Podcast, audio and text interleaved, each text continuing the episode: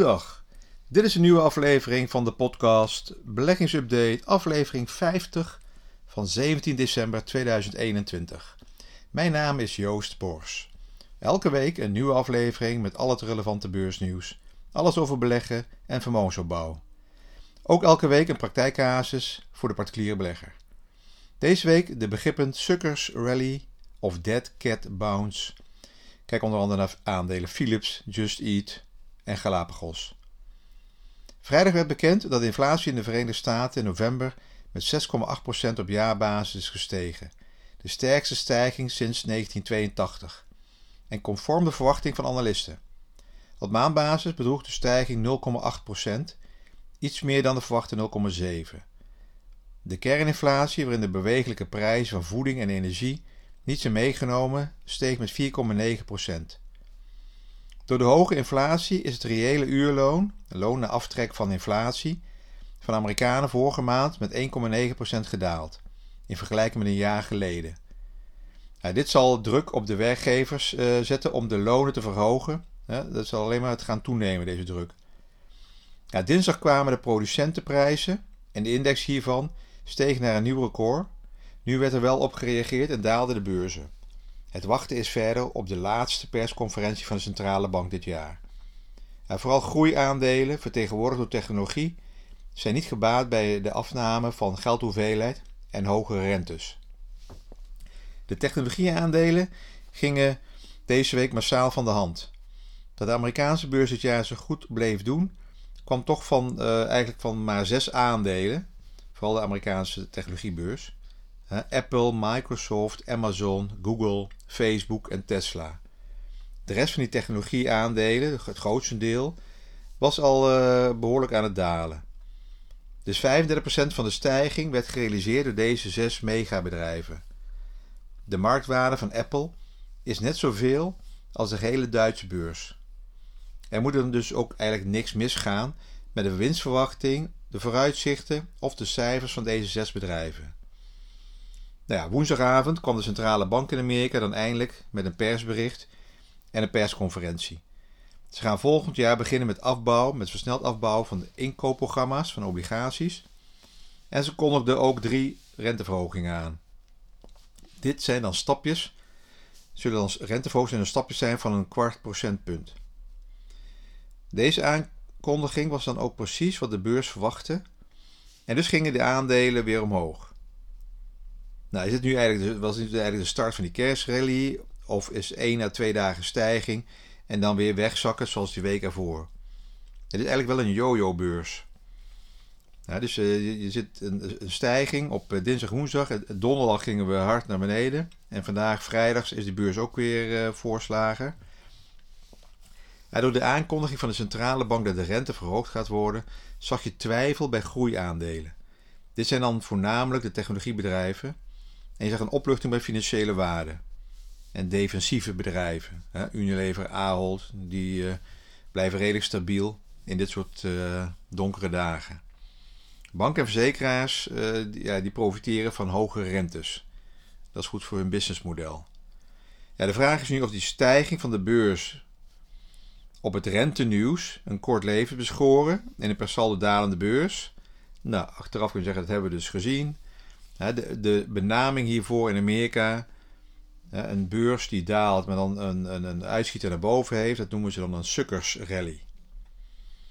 Ja, een suckers rally is een kortstondige en vaak scherpe stijging die plaatsvindt binnen een downtrend. Of één die niet wordt ondersteund door fundamentals en gebaseerd is op een hype, die wordt omgekeerd door een prijsbeweging naar beneden. Een sucker rally van minstens uh, een paar procent, eigenlijk 5 procent hoger, kan in alle dalende markten voorkomen. En vaak komen er meer dan één voor in de loop van een bear market. Een bear market is een beurs die in een langdurige dalende fase zit. Het wordt pas een bear market genoemd nadat de beurs minimaal 20% gedaald is vanaf de top. De periode daarvoor heet het eigenlijk gewoon een dalende beurs. Het tegenovergestelde van bear market is natuurlijk de, de hoos, de bull market, de stier. Um, maar ja, dat zijn wel rare mensen, die Amerikanen. Met uh, die beursjongens, al hun vakjargon. Ja, dus de suckers rally zijn moeilijk in real time te identificeren. Daarom kiezen sommige handelaren ervoor om, om te wachten op een reeks hogere bodems voordat ze kopen. Ja, die sucker rally is eigenlijk een beursjargon die verwijst naar die tijdelijke stijging van een aandeel of een index. Die net lang genoeg doorgaat om investeringen aan te trekken van naïeve of nietsvermoedende kopers. Ja, die kopers zijn eh, dan de sulletjes. Hè. Dat betekent dat je gaat twee, drie dagen omhoog naar een periode van dalen. En dan denkt iedereen, oh ja, je moet er nu instappen, want nu gaan we weer uh, heel lang verder omhoog. Ja, dat zijn eigenlijk dus de, de, de sukkertjes, de, de, de, de sukkers of de sulletjes, omdat ze waarschijnlijk geld gaan verliezen. Wanneer de koers weer uh, lager gaat, wanneer de koers weer begint af te brokkelen en in die downtrend begint. Ja, dit vinden mensen ook wel bekend als eh, de dead cat bounce of een bear market rally. Ja, suckers rally komen vaak voor wanneer de prijs van een aandeel merkbaar stijgt, ondanks het feit dat die fundamentele aspecten van het aandeel niet zijn veranderd. In de meeste gevallen resulteren deze fundamenteel niet ondersteunende prijsstijgingen in een grote daling, die meestal een algemene neerwaartse trend voortzet. die, die, rallies, die, die stijging komt vaak voor uh, midden in zo'n bear market. Wat kleine prijsstijgingen, uh, een paar kopers aantrekken, maar dan gaat de verkoop. En dan begint die verkoop weer, doordat iedereen weer massaal wat begint te verkopen. Achteraf kan je makkelijk zeggen: dit was dus een stijging die geclassificeerd kan worden als een suckers rally, bear market rally, omdat daarna die daling weer doorgaat. naarmate die koersen dalen, gaan steeds meer beleggers ervan uit dat de volgende rally het einde van de downtrend zal betekenen. Maar dat is allemaal achteraf. Hè? Uiteindelijk zal ooit die downtrend wel eindigen. In de meeste gevallen dan. Want eh, je eindigt of bij nul of je gaat uh, ergens wel eindigt een daling. Maar het uh, identificeren van uh, op welk moment die stijging verandert in een uptrend. En niet in een kortstondige stijging. Is niet altijd eenvoudig. Je moet echt kijken naar zijn er fundamenteel. Hè, er moet echt iets fundamenteel zijn gewijzigd. In positieve zin om een hernieuwde hoostmarkt of een hernieuwde lange stijging te bewerkstelligen. Of dat een aandelenmarkt over een hele periode van een aantal maanden dan uh, meerdere keren op dezelfde bodem blijft hangen. Hè? Dus een meer de technische analyse.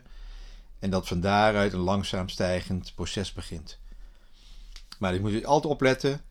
Te felle stijgingen van een paar procenten in één of twee dagen in een beurs die al dalende is dat zijn dus eigenlijk de verraderlijke stijgingen die eigenlijk daarna weer gevolgd gaan worden door verdere dalingen. Nou ja, een ander fenomeen, hè, die, die beursjongens verzinnen alles in Amerika, is de dead cat bounce.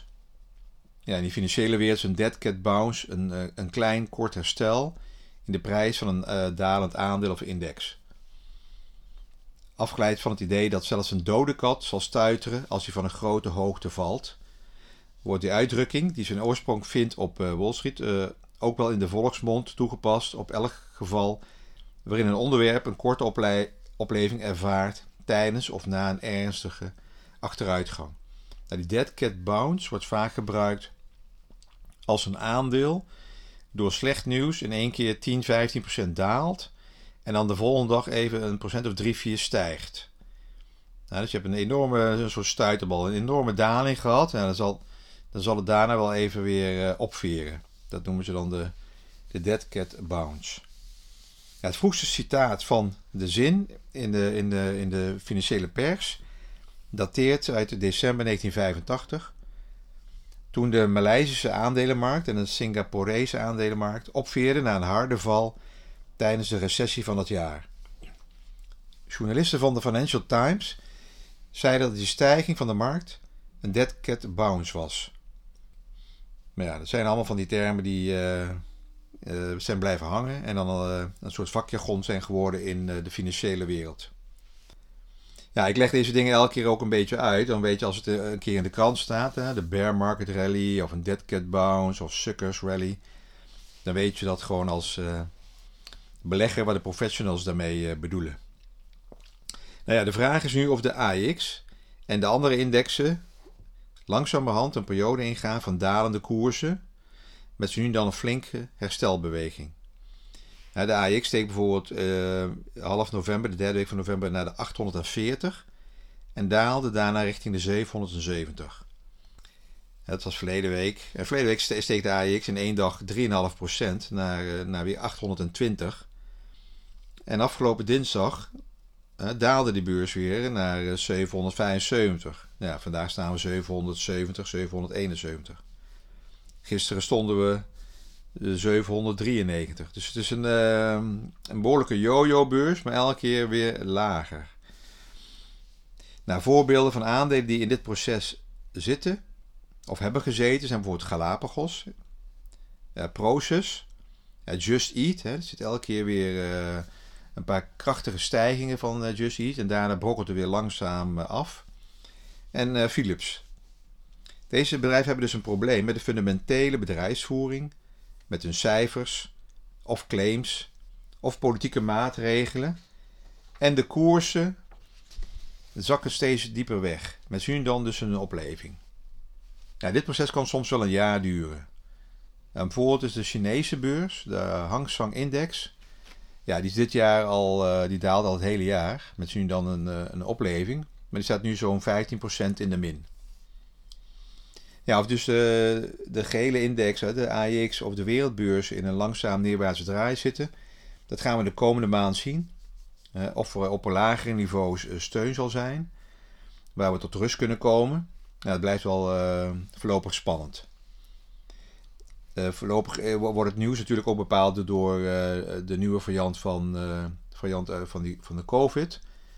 Dus, maar eigenlijk het renteverhaal is nu wel een beetje verdisconteerd in de markt. En nu moeten we kijken ook wat uh, een nieuwe variant van uh, corona voor uh, consequenties heeft voor de aandelenmarkt. Dus het blijft voorlopig nog wel bewegelijk. Nou ja, een, een leuk recent verhaal van een reclamefilmpje met consequenties voor het bedrijf. Ja, bedrijven die sponsoren vaak wel producten via product placements. dan sponsoren ze een film of een tv-serie. Je laat die acteur een flesje cola drinken. Of zo'n acteur, uh, actrice rijdt in een bepaald merkauto. Of kijkt op zijn horloge en dan zie je dat daar uh, wat voor horloge het is. Maar soms kan het ook fout uh, opgevat worden en verkeerd uitpakken voor de koers van een bedrijf. Ja, dit gebeurde dus de afgelopen dagen met het fitnessbedrijf Peloton Peloton is fabrikant van eh, fitnessapparatuur. En meest bekend is wel de, de spinningfiets en de loopband voor thuisgebruik. Met uh, online uh, interactief les. In een aflevering van een nieuwe reeks van Sex in the City hè, serie. heel bekend door de jaren 2000. Begin twee jaren 2000, jaren 90, jaren 2000. Ja, er zit die acteur die Mr. Big speelt. Hij zit op een spinningfiets in zijn kamer een oefening te doen als hij eh, in, die serie zijn hartaanval krijgt. Nou ja, het publiek ziet dat hij dus op zo'n uh, peloton uh, fiets zit. Dus de koers van het aandeel peloton daalde de volgende dag met 12%. Het aandeel was een van de favorieten van de beleggers in 2020. samen met Zoom, Iedereen zat thuis te werken en te sporten hè, in de coronatijd. Het aandeel steeg uh, ongeveer 400% in 2020. Maar ja, dit jaar is het aandeel al zo'n 70% gedaald. Dus van die 400% blijft ook maar weinig over. Nou, Peloton, Peloton bracht afgelopen zondag een reclamefilm uit met als tekst: uh, ja, hij leeft. Nou, alles om imagoschade te voorkomen. Maar ja, de afgelopen dagen zijpelde het ook weer wat uit dat uh, die acteur die Mr. Big speelt uh, verdacht wordt van uh, onzedelijk gedrag. Dus uh, ik denk dat Peloton zijn reclamecampagne heel snel moet, moet, moet beëindigen. Om nog meer scha imago-schade te voorkomen. Oké, dank voor het luisteren. Zoals altijd mijn persoonlijke visie. geen direct advies. En alles op basis van openbare informatie. Dank u wel.